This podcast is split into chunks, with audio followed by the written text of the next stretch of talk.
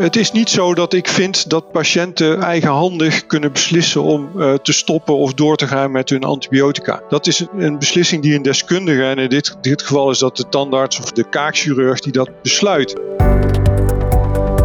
Je luistert naar NTVT Dentalk, de podcast van het Nederlands tijdschrift voor tandheelkunde. We gaan hier in gesprek met belangrijke experts, interessante onderzoekers en boeiende ervaringsdeskundigen. En misschien wel met jou. De presentatie is in handen van tandarts-epidemioloog en hoofdredacteur van het NTVT Casper Bots. Wanneer is antibiotica echt nodig? Hoe lang moet je antibiotica precies voorschrijven en wanneer is antibiotica prophylaxe geïndiceerd? Allemaal vragen waar je dagelijks tegenaan kunt lopen in de praktijk en die naar boven komen zodra je over dit onderwerp gaat spreken. In oktober 2019 verscheen een speciale NTVT-editie geheel gewijd aan het onderwerp antibiotica in de tandheelkunde. Ook uit de recent gehouden Dentalk webinar bleek dat er veel vragen leven en een behoefte bestaat uit een duidelijke praktijkrichtlijn over dit onderwerp. Het goede nieuws is dat die waarschijnlijk eind 2021 zal verschijnen. In aanloop daar naartoe praten we in deze Dentalk podcast met MKA-chirurg Dr. Justin Pijpen en arts-microbioloog Kees Verduin over de zin en onzin van antibiotica in de tandheelkunde. Justin Pijpen is NDVT-redacteur en werkzaam in het Catharina ziekenhuis in Eindhoven. Kees Verduin is werkzaam in hetzelfde ziekenhuis en daarnaast verbonden aan het regionale centrum voor infectieziekten en pathologie in Brabant. Ook houdt hij zich bezig met de registratie van antibiotica-resistentie en antibiotica-gebruik in Nederland. Kees, om met jou te beginnen, hoe groot is het probleem van resistentie tegen antibiotica in Nederland eigenlijk? Nou ja, als je alleen naar Nederland zou kijken en je zou de cijfers zien, zou je misschien zeggen best groot. Maar als je dat vergelijkt met de situatie in Europa en in de wereld, is het probleem hier eigenlijk heel erg klein en lopen we heel erg voorop. Uh, samen met uh, de Scandinavische landen eigenlijk. En hebben we het minste res resistentie bij de belangrijke pathogene micro-organismen die er zijn. En uh, in die zin denk ik dat we onszelf best een complimentje kunnen geven met z'n allen. Maar aan de andere kant is het wel zo dat uh, die resistentie niet daalt, uh, hoewel het de laatste jaren redelijk stabiel is. Maar de tendens is eigenlijk dat dat steeds verder stijgt. En dat betekent dat er toch ooit een keer een einde komt aan, uh, aan het goed kunnen gebruiken van antibiotica. En daarom moeten we ook elke keer opnieuw daar aan blijven werken, elke dag. Ja, maar dat is dus het grote probleem. Hè? Toch, als je het veel blijft voorschrijven, je wordt resistent, dat als je het echt heel erg nodig hebt, dat het niet meer werkt. Precies, dat is het uh, hele grote probleem. Ja, dat gaat dan met name over pathogenen die je eigenlijk niet uh, in de tandheelkunde tegenkomt. Dat zijn met name de gram-negatieve staven, zoals wij dat noemen, de enterobacterales die in de darm voorkomen. Mm -hmm. En die urineweginfecties geven en bij buikinfecties enorme problemen kunnen geven. Maar wij dragen, Kees, wij dragen dan dus wel bij, ook door heel veel, als wij heel veel ja. antibiotica voorschrijven, dat het dan op het cruciale moment niet kan werken. Ja, dat klopt. Eigenlijk uh, elk gebruik van antibioticum draagt bij aan, uh, een, aan de kans om resistentie te krijgen. Hè. Dus hoe meer wij gebruiken, hoe meer selectie er is van resistente micro-organismen en hoe meer resistentie we zullen krijgen. En hoe komt nou precies dat verschil tussen Noord- en Zuid-Europa? Waarom zit daar zo'n groot verschil tussen? Ja, dat is, dat is best een ingewikkelde vraag. En ook, uh, uh, ik denk dat het voor een belangrijk deel zit het in ons volksaard. Het is gewoon dat ja, een Nederlander over het algemeen, en ik denk dat dat voor Scandinaviërs ook geldt, zijn uh, nuchtere mensen.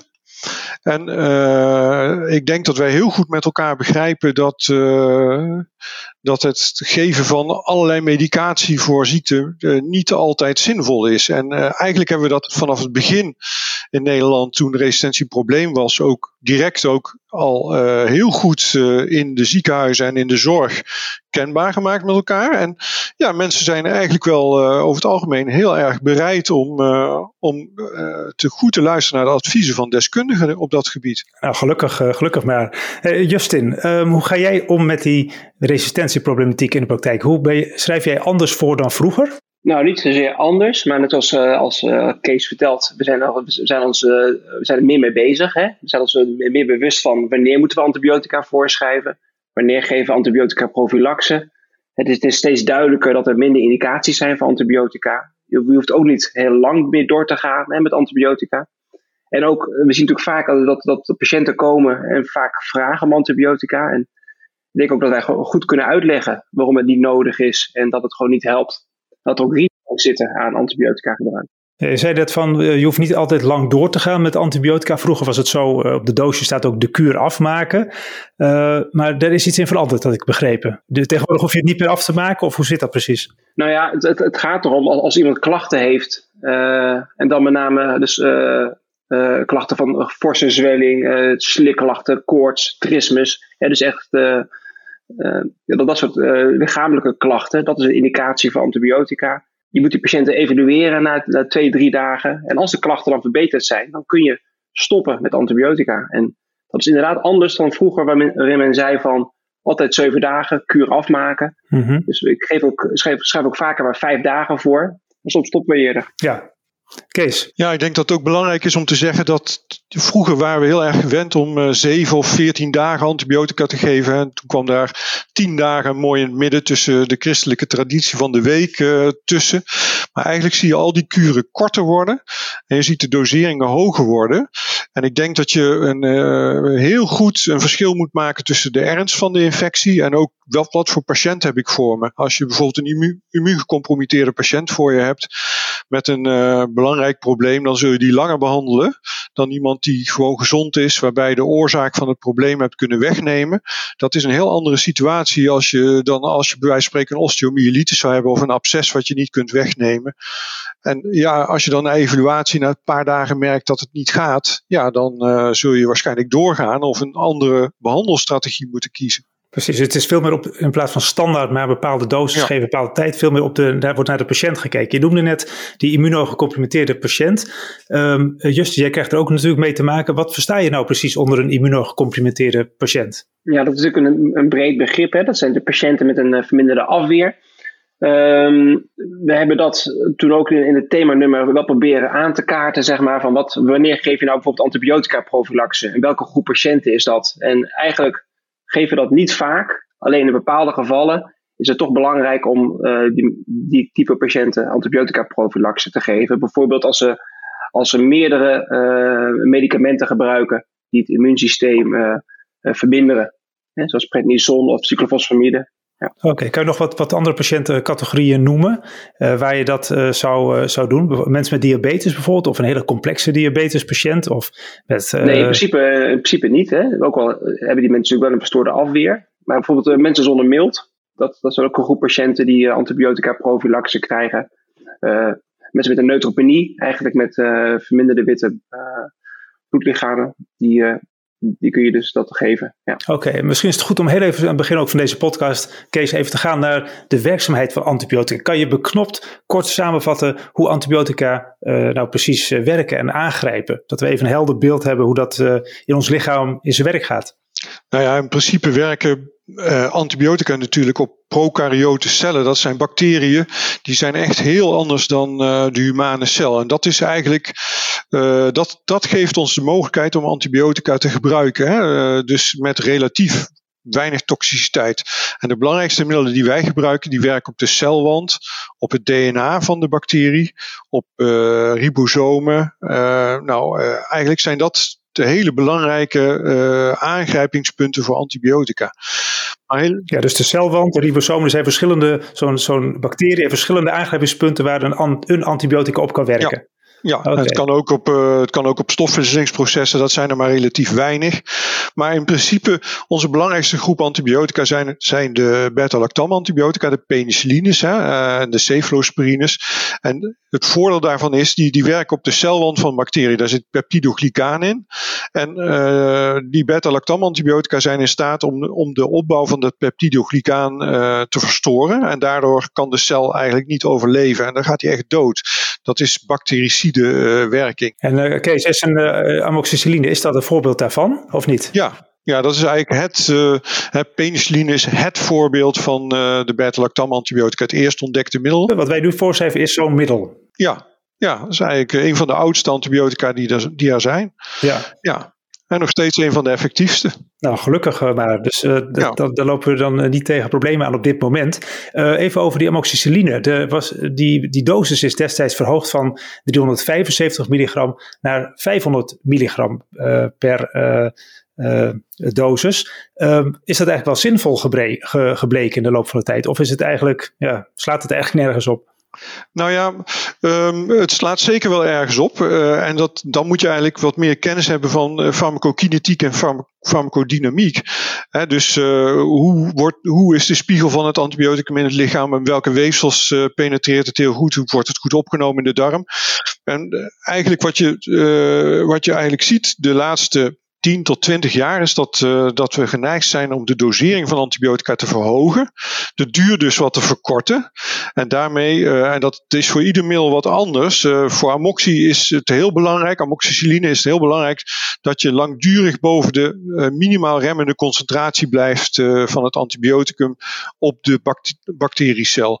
En ehm, om dat te bereiken moet je wel voldoende geven. Je geeft het drie keer per dag. Ja. En uh, met, met die 500 milligram of die 375 of die 750, het kan nog veel hoger hoor. Uh, we doen okay. ook wel eens gekkere dingen. Maar uh, je wil eigenlijk op, op de plaats van de infectie boven de MIC van de bacteriën komen. En ja, de tendens is om hoger te doseren. Kees, die, MUC is dat een soort R-getal. Dat als het uh, hoog is, dan gaat het zich uitbreiden. En als het lager is, dan is het mogelijk dat bacteriën minder worden. Ja, eigenlijk is het zo dat, uh, maar dan, dat ga ik jullie niet helemaal uitleggen. Maar als je kijkt naar de, de gevoeligheid van de bacterie, wordt inderdaad uitgedrukt in de MIC. Als die heel laag is, kun je met weinig antibiotica kun je, kun je de bacterie goed behandelen. En die MIC weten we van heel veel bacteriën die we kweken, kunnen we die natuurlijk bepalen. In de tandheelkunde is het natuurlijk zo dat we dat heel vaak niet bepalen. En uh, hoewel het vaak is, denk ik dat we, uh, en dat moet Justin maar bevestigen of ontkennen. Ik denk dat we heel vaak in situaties zitten dat de concentratie ter plekke van het antibioticum best hoog zal zijn. Maar heb je bijvoorbeeld een osteomyelitis bij een patiënt uh, die misschien wat mindere doorbloeding heeft in dat gebied, dan zul je echt hoger moeten doseren. Dus daar moet je goed naar kijken. Justin, herken je dat ook dat je soms bezig bent dus met dat antibiotica voorgeschreven toch niet helpt en je andere doseringen moet gebruiken? Loop je daar wel eens tegenaan in de praktijk? Of kom je goed uit, kan je goed uit de voeten? Nou, een, grote groep komt wel goed uit de voeten met een standaarddosering. Maar inderdaad, er zijn patiënten met een osteomyelitis, ontsteking van de kaak of een, groot absces of een cellulitis. Uh, die opgenomen moeten worden, waarbij we dus af en toe intraveneus antibiotica moeten geven. En ook soms ook overleggen met, uh, met de microbioloog van, ja, hij reageert niet goed, deze patiënt. Hoe kan dat nou? En kun je eens meekijken en uh, meedenken over andere dosering, andere medicatie dat komt wel eens voor. Ja. En dan maak je die kuur dus niet af. Dan gaat er gewoon, uh, switch gewoon van naar de andere antibiotica toe. Ja, ja. Oké, want dat misverstand is natuurlijk ook soms nog dat je eerst iets af moet maken en dan weer moet beginnen. Kees? Ja, dat, is denk ik toch wel heel belangrijk om te zeggen, omdat ik, ik zag dat ook in de vragen wel terugkomen. Um, het is niet zo dat ik vind dat patiënten eigenhandig kunnen beslissen om uh, te stoppen of door te gaan met hun antibiotica. Dat is een, een beslissing die een deskundige, en in dit, dit geval is dat de tandarts of de kaakchirurg die dat besluit. En uh, ik denk dat je, en dat is ook een van de lessen die ik altijd geef, op het moment dat je ziet na twee dagen of na drie dagen dat het niet werkt, ja, dan moet je niet zomaar doorgaan. Dan moet je echt wat anders, uh, dan moet je nadenken over wat er aan de hand is en misschien de dosering verhogen of misschien toch naar een ander middel gaan. Ja, en uh, daarvan heb ik vorige keer ook al gezegd tijdens het webinar, dan wordt het tijd om te overleggen met de kaakchirurg of met de microbioloog of met een andere deskundige over wat nu de goede weg zal zijn. Anders is het een beetje zinloos en dan draag je eigenlijk bij aan uh, misschien aan resistentie uh, uh, op, op termijn. Um, ja, um, Justin, kan je ons nog even meenemen? want in het verleden werd natuurlijk heel vaak antibiotica voorgeschreven. In de zuidelijke Europese landen gebeurt dat nog steeds. Um, stel, ik heb een, een patiënt die komt bij me binnen en heeft een beetje beginnende zwelling. Ik kan nog geen abscesincisie doen, want het zit veel te diep. Bijvoorbeeld bij een 3-6, heel, heel diep absces. Um, het is donderdagmiddag. Voelt hem wel aankomen. Wat uh, moet ik doen? Ik, uh, ik bel jou op, zeg uh, Justin. Het neemt toe, ik kan nog niet incideren. Zal ik dan maar antibiotica geven? Wat, wat is jouw antwoord in zo'n geval? Ja, nou, mijn antwoord zou, ja, het antwoord hoort in ieder geval te zijn, in ieder geval geen antibiotica. Of eerste vraag van, heeft deze patiënt koorts? Hè? Is deze patiënt ziek? zijn er systemische manifestaties hè, van, van een infectie? Dat is heel belangrijk. Ja, dat bedoel je mee? Ja, uh, koorts, uh, grote zwellingen, diffuse zwelling, terismus, ja. zieke mensen, slikklachten. Dat, is, dat zijn tekenen dat ja, ik, malaise. Ja, algehele malaise, inderdaad. Dat zijn redenen om antibiotica voor te schrijven. In andere gevallen probeer je uh, toch zeg maar de, de oorzaak te behandelen. Dus voor toch, toch het element te openen. dat er toch pus uit zou kunnen komen of het element te verwijderen. Ja, want dat, uh, uh, dat is dan een extractie-O-show, hè? wordt dat wel genoemd, toch? Als het in een ontstekingsgebied zit. Ja. Ik, op een manier heb ik wel eens gehoord dat, dat, dat je uh, beter niet een extractie-O-show kan doen. Maar ik weet niet hoe ik daar -hmm. precies bij kom. Maar ik weet niet of dat echt, waar dat precies vandaan komt. Maar ehm, ik weet, herken je dat ook? Dat werd het misschien vroeger geleerd dat dat gevaarlijk was of zo? Nou, je hebt een, je hebt een verhoogde kans op, op nabezwaren en postoperatieve infecties als je dat doet. Hè? Ook een, ook, ook een, een, een blinde darm ze liever ook in een rustige fase verwijderen. Ja. Als hij ontstoken is. En ook een, een ontstoken verstandskies, hè, pericoronitis, uh, die, die verwijderen we liever niet in de acute fase. Precies, en de reden daarvoor is dat er dus de wondgenezing moeilijker gaat, maar niet dat er een bacteriëmie of iets dergelijks kan ontstaan. Nou ja, dat, dat denk ik ook wel eigenlijk. Ja, Kees, weet jij dat? Heb je dat wel eens meegemaakt? Nou ja, meegemaakt. Bacteriëmieën ontstaan natuurlijk al heel snel. En zeker als je manipuleert aan het gebit of daar een ontsteking hebt, denk dat je heel snel bacteriëmie hebt. De vraag is natuurlijk hoe ernstig is dat? Ja. En uh, de afweging, en dat hoor je nu ook weer, is elke keer weer op welk moment kan ik nu een ingreep doen of kan ik het nog uitstellen? En uh, ik denk dat in heel veel gevallen, uh, wat jullie OSHO noemen, ja, dat je er vaak met antibiotica kun je het wel wat beter maken, maar je zult toch binnen enkele dagen waarschijnlijk wat moeten doen. Uh, want dat, waarschijnlijk kun je het niet wegwerken uh, met, uh, met antibiotica of genezen.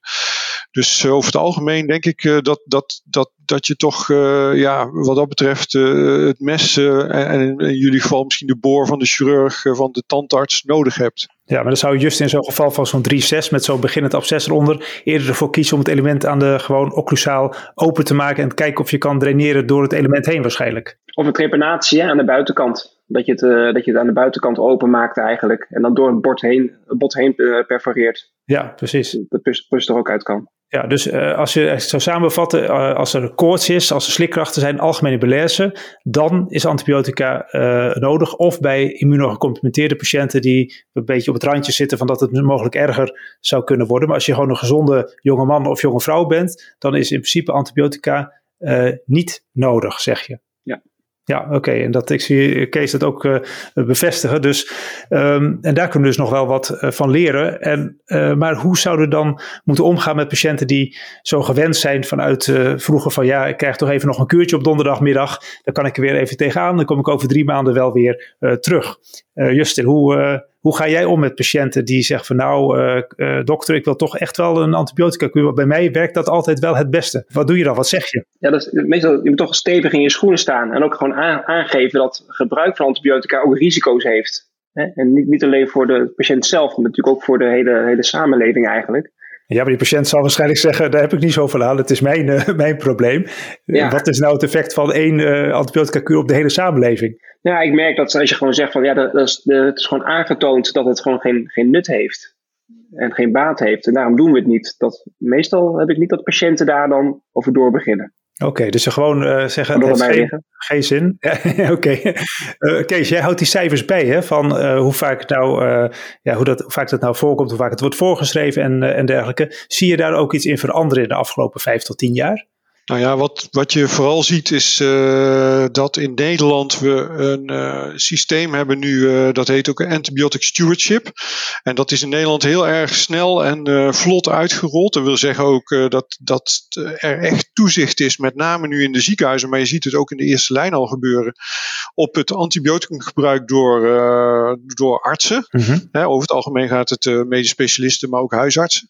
En je ziet dat in heel veel gevallen, in het verleden was het zo dat uh, huisartsen en specialisten vaak vonden van baat het niet, dan schaadt het niet. Ja. Dat, die gedachte en uh, antibiotica werken ook goed. Dus ik, ik doe iets uh, ten gunste van de patiënt. En nu zijn we toch wat meer. Ja, goed bezig. ja, nu zijn we toch wat meer uh, terughoudend daarin. Omdat we gewoon uit, ook uit studies zien dat het in heel veel gevallen eigenlijk niks bijdraagt. We denken dat het wat goeds doet. En het is een, zeg maar een soort anxiolyticum voor de dokter. Mm-hmm. Maar ja, daar was het nou net niet voor bedoeld. En het is ook geen pijnstiller. Dus uh, je moet daar ja, rationeel mee om blijven gaan.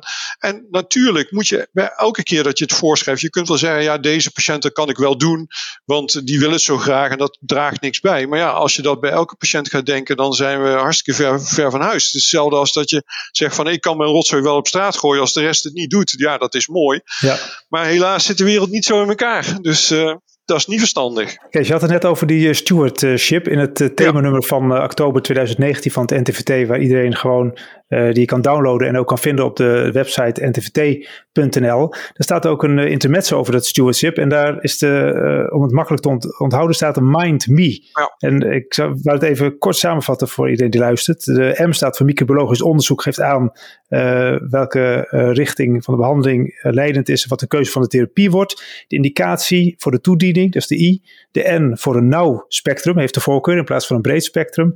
De D voor de dosering, is correct voor de locatie en type infectie. De M minimaliseert de duur van de therapie, waar we het net eigenlijk ook al uh, over hadden. En de E van één antibioticum, monotherapie, volstaat in de meeste gevallen. Dan vroeg ik me toch ook af, uh, je ziet in de tandheelkunde vaak dat er ook meerdere combinatietherapieën zijn, zoals metronidazol um, wordt, wordt ook wel gebruikt in combinatie, meen ik, met amoxicilline. Ik twijfel nu even. Ik kijk even wel. Ja dat klopt. Ja, dus um, wat is dan het voordeel van die combinatietherapieën met metronidazol? Als er staat dat de voorkeur is om eigenlijk maar uh, één therapie te gebruiken. Uh, ik weet niet of Justin daar iets over wil zeggen of dat ik dat zal doen. Ja, Justin? Ja, wat, wij, wat, wat, wat, wat, wij, wat ik nog uit mijn opleiding weet, is dat wij, als wij vroeger iemand opnamen met een heel groot absces of een heel grote ontsteking met intraveneus, dan gaven we vaak uh, amoxicilline met, uh, met metronidazol ik begrijp eigenlijk nu dat augmentin eigenlijk voldoende is. Dat dat voldoende breed is. Dus dat er weinig indicatie is om zo'n combinatietherapie toe te passen. Maar uh, augmentin is ook een combinatie van, uh, van iets, uh, Kees. Ja. Wat zit er ook weer in de augmentin? Wat, waar bestaat het uit? Ja, dat is amoxicilline met clavulaanzuur. En clavulaanzuur is eigenlijk een een uh, hele effectieve remmer van beta-lactamases. En beta-lactamases worden vooral geproduceerd door gram-negatieve bacteriën. Er is uh, bacteriën en er is één uh, gram-positieve bacterie die wel heel belangrijk is. Dat is Staphylococcus aureus. Die maakt ook een beta-lactamase. Mm -hmm. En daar werkt augmentin heel goed tegen. En er zijn ook een. Krijg je nou eigenlijk een ander milieu waar, waardoor je eigenlijk een soort gunstiger omstandigheid krijgt? Om dat antibioticum goed te laten werken? Nou, ja, ik weet niet of je dat zo kan zeggen. Ik denk dat je augmentin een beetje kan. Dat, dat kennen jullie nog wel. Van vroeger had je Vim. Ja. Een Vim uh, dode 99,99% van alle. Nou ja, enzovoorts. En dat is met augmentin eigenlijk ook een beetje zo. Alleen uh, wat augmentin heel sterk doet. En ik denk dat er in de tandheelkunde maar heel weinig uh, plaats is voor, voor augmentin. Ik denk dat je dat met name bij kaakchirurgen in een aantal gevallen wel nodig zult hebben. Mm-hmm. augmentin maakt eigenlijk de weg vrij voor de candida, voor de resistente gram-negatieve staven, voor de Clostridium difficile die diarree geeft. En eigenlijk, uh, ja, augmentin is een middel. Als je het nu geeft aan één gift, hè, één pilletje, 625 milligram aan uh, één van ons, dan kun je na een jaar kun je nog zien dat je dat hebt genomen. Okay. Je hele darmflora is weg. En uh, die moet zich echt opnieuw opbouwen. En die is dus ook echt een jaar lang anders daarna. En op dat moment heb je ook een sterk verhoogde kans op een nieuwe infectie. Dus dat is de vraag of het, uh, ja, of het middel niet erger is dan de kwaal. Ja, maar uh, nou, nogmaals, we hadden het er net al over. in een aantal gevallen heb je het nodig. Ja dan moet je het gebruiken. In heel veel gevallen, en dat hebben we in de, in de webinar ook, uh, heb ik dat ook al verteld. Ik denk dat er nauwelijks een indicatie is voor tandartsen en mondhygiënisten om augmentin te geven. Dan ben ik wel heel benieuwd hoe, hoe Justin daar tegenaan aankijkt. Want soms gebeurt het wel eens dat je de kaakchirurg belt en zegt ik heb dit geprobeerd, ik heb amoxicilline geprobeerd, wat zal ik doen? Nou, geef voor de zekerheid toch maar augmentin. Is, in, wat, Justin, in jouw visie, is daar, is daar dus indicatie voor? En zo ja, wanneer is er indicatie voor? Nee, er is eigenlijk denk ik inderdaad, zoals Kees zegt, bijna geen indicatie voor. En dat is, ik denk dat toch dat het dan, dan, dan wordt gegeven voor een andere reden. Dat je toch probeert hè, iemand ja, te helpen, wat voor manier dan ook. Terwijl je eigenlijk dus de patiënt niet echt heel helpt. Ik kan me alleen eh, voorstellen dat als een patiënt echt een hele forse zwelling heeft. En met een cellulitisbeeld, hè, dus forse diffuse zwelling met roodheid, slikklachten. Dat je dan misschien wel gaat kiezen voor augmentin. Ik weet niet of, of Kees het daarmee eens is, maar dat zou voor mij wel denk ik een indicatie zijn. Ja, daar ben ik het wel mee eens. En ik, ik denk ook vaak dat je als je echt een heel zieke patiënt hebt, en dat weet Justin natuurlijk ook wel, dat je dan vaak een patiënt zult opnemen en intraveneus zult gaan behandelen. Ja, en dan kan dat met Augmentin uh, of met uh, een cefalosporine met metronidazol, hè, om, om gewoon maar een heel breed spectrum te krijgen. En dat, dat is op dat moment bij een patiënt die toch echt heel ernstig ziek is ook echt wel uh, adequaat en terecht. Uh, het belangrijke probleem is steeds die balans te vinden tussen van nou, hoe ga ik met zo'n smal mogelijk middel, hè, narrow, wat je net ook zei, in de mind-me combinatie. Mm -hmm durf ik dat? Uh, kan ik dat doen? En ja, bij een hele zieke patiënt uh, waarvan je weet uh, wat, wat de problemen zijn en ook wat voor resistente micro-organismen de, er zijn, is het natuurlijk in het ziekenhuis zeker zo dat we die patiënt ook heel breed spectrum antibiotica geven om mee te beginnen. Maar wat het voordeel vaak is van patiënten in het ziekenhuis, is dat we ook vaak kweken hebben en ook resultaten kunnen bereiken door hè, dus iets kunnen zeggen over wat er nu precies speelt. Dat is bij tandartsen vaak heel ingewikkeld en ik denk ook heel veel kaakchirurgen relatief weinig kweken. Mm -hmm. En dat snap ik ook heel goed, want uh, eigenlijk is het probleem meestal weg voordat het resultaat van mijn uh, onderzoekje een keer aankomt. En dat is een beetje zonde van je geld. Hoe lang duurt het eigenlijk zo'n kweek? Want als stelt je een absces incideert en je gaat dat pus uh, kweken, ben je dat met een paar uur, weet je dan meer? Of is dat een dag later of zo? Nee, je moet dit al snel denken aan een paar dagen. Voor bacteriën die met zuurstof kunnen groeien, dus aeroob, een paar dagen. Maar uh, probleem is natuurlijk, het zijn vaak menginfecties met anaeroben. Als je iets met die anaeroben wil, dan wordt het echt heel ingewikkeld. En dat duurt heel lang. Ja, ja dat is eigenlijk niet echt... Uh... Zo lang kan je vaak niet, uh, niet, niet wachten, Justin, als je zo'n patiënt hebt, denk ik.